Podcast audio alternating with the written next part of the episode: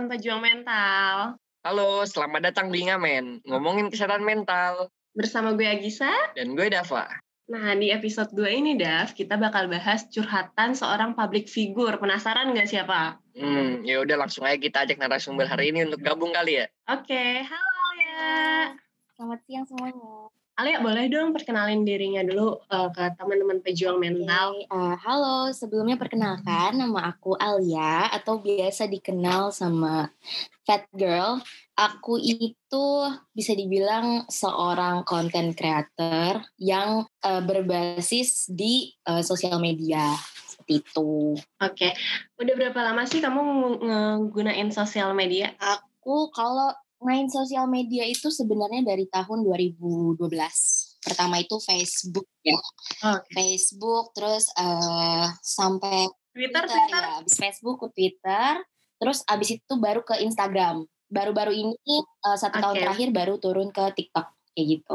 Uh, sosial media apa sih yang biasanya Alia gunain atau sering dipakai? Kalau untuk sekarang aku paling sering itu pakainya TikTok karena memang uh, udah lumayan jadi pekerjaan utama hitungannya. Jadi eh, lebih sering main mm -hmm. TikTok dan Instagram sih. Oh gitu.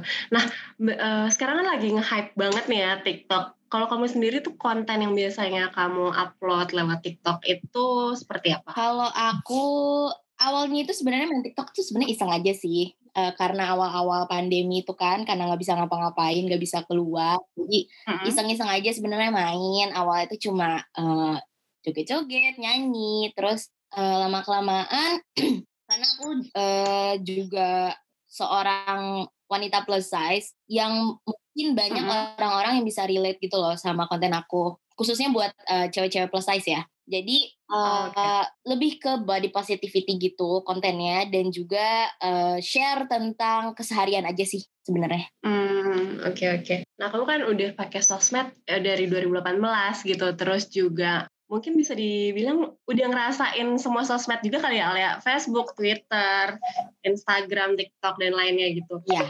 Uh, terus dengan uh, mungkin concern kamu sekarang ke cewek-cewek yang plus size gitu, kamu sendiri tuh pernah ngerasain cyberbullying gak sih dari sosmed itu sendiri?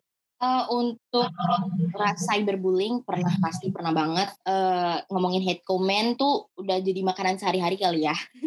Apalagi uh, semakin besar apa namanya sebuah platform tuh kan pasti banyak juga orang yang kenal banyak juga kita nggak bisa uh, apa namanya berharap kalau semua orang itu suka sama kita jadi untuk cyberbullying hmm. itu udah jadi makanan sehari-hari sih Hmm, gitu. Terus uh, kamu sendiri nih, cara kamu kontrol gitu, emosi saat ngebaca head comment atau sebagainya, kan pasti kita sebagai manusia adalah rasa kesel atau mungkin sedih ngerasa komen itu nggak bener atau memojokkan kita gitu kan kamu sendiri tuh gimana sih cara ngontrol emosi hmm. kamu pas bacain komen-komen jahatnya netizen untuk ini ya apa namanya ngontrol emosinya itu yang paling paling manjur itu pasti kan nggak usah dibaca ya tapi kan ya namanya manusia pasti kita punya bisa rasa ya. kepo kita pasti tetap mau gitu kan nggak bisa nggak bisa nggak hmm. dibaca gitu paling ya kita kalau memang uh, tergantung ya kalau aku ada momen-momen tertentu yang emang aku anaknya sensitif banget apalagi kan kita perempuan ya tiap bulan ada PMS jadi ketika kita baca tuh pasti sedih pasti uh, ngerasa kayak emang gue kayak gini banget ya segininya kah kayak gini gini gini tapi kalau untuk hari hari-hari biasa aku lebih uh, baik uh, menghindari hal-hal itu dengan cara aku blok akun-akun orang yang emang nyebar bad vibes di uh, platform aku itu mm. tapi okay. uh, ya balik lagi karena kita kan gak bisa menghindarinya ya jadi sebisa mungkin ya kalau memang ada ini yang paling uh, bisa dilakukan ya untuk ngeblok orang itu kayak gitu. Oke. Okay. Tapi pernah gak kamu nyoba untuk nanggepin apa sih mau nih orang ngata-ngatain gue gitu misalkan?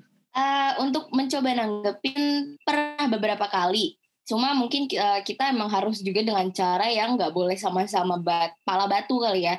Mm-hmm. Jadi kita kita approach orangnya, kita tanya baik-baik uh, ada masalah apa, kenapa uh, kenapa mengutarakan hal seperti itu sama aku gitu-gitu kan. Mm -hmm. Terus uh, ketika orangnya gak terima sama omongan dan lagi at least kita udah mencoba untuk approach orang itu nanya masalahnya apa ya kalau nggak ada jalan lagi ya ya udah di blok aja kayak gitu Hmm, oke. Emang paling bener tuh kayak di blok aja ya, biar dia nggak bisa lihat lagi ya juga. Oke, eh, saat kamu mungkin Sebenarnya ngerasa, iya sih kamu mungkin lagi ada, pasti kan ada fase yang lagi down banget atau lagi sensitif banget gitu. Pernah gak sih kepikiran, eh, kayaknya ha- gue harus mungkin untuk ke psikolog atau psikiater biar eh, maksudnya emosi yang gue punya nih bis- benar gitu disalurkannya nggak nggak mengontrol emosi sendiri atau mungkin nggak bisa mengontrol emosi diri sendiri gitu pernah gak kepikiran untuk ke psikiater atau psikolog Nah, pernah banget. Bahkan sebelum adanya sosial media jauh, aku tuh udah pernah ke psikolog. Kok Oh, gitu. psikiater ya? Aku lupa. Itu zaman, eh, ya dari aku SD, aku tuh anaknya emang sering ngerengek-ngerengek gitu kan. Mm-mm. Sama papa aku, kalau misalkan berangkat kerja, aku tuh anaknya kelingi banget gitu kan. Nah, eh, mungkin eh, dari situ aku mulai dibawa ke psikolog untuk biar nggak terlalu berlebihan kelinginya sama papa. Jadi jauh dari sebelum sosial media sebenarnya aku udah kenal si psikolog, si psikiater kayak gitu-gitu. Dan sekarang juga semenjak aku main sosial media makin parah nih sakitnya. Jadi kayak sebenarnya butuh-butuh banget sih. At least buat um, mencurahkan isi hati aja sebatas itu. Karena kalau misalkan kita curhat ke teman kan kadang nggak nggak ini ya eh, apa sih dia kasih sarannya juga kurang cocok sama kita kayak gitu-gitu. Hmm, dan mungkin kalau teman kan susah untuk netral ya Mm-mm, betul. Eh, tapi berarti untuk sekarang kamu masih rutinkah ke psikolog atau psikiater Kalau sekarang udah nggak. Terakhir itu aku rutin waktu SMP. Hmm, oke oke.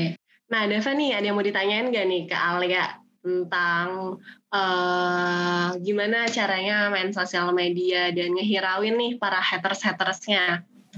Ya kalau gue sih karena karena dari pengalaman sebelumnya gue udah pernah yang tadi gue ceritain di episode 1 tapi kan belum dijawab tuh ya kan. Ah, Oke.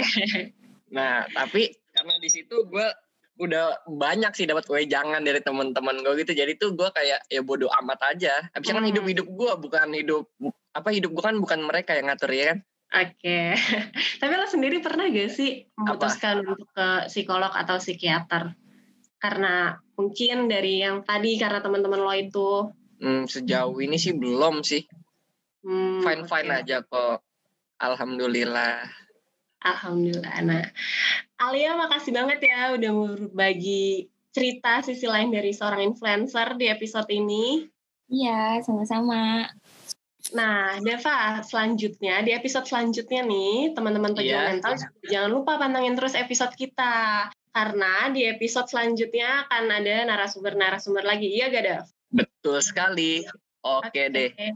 Makasih ya Alia udah mau berbagi cerita di sisi lain dari seorang influencer nih. Oke, makasih Alia. Bye-bye semua.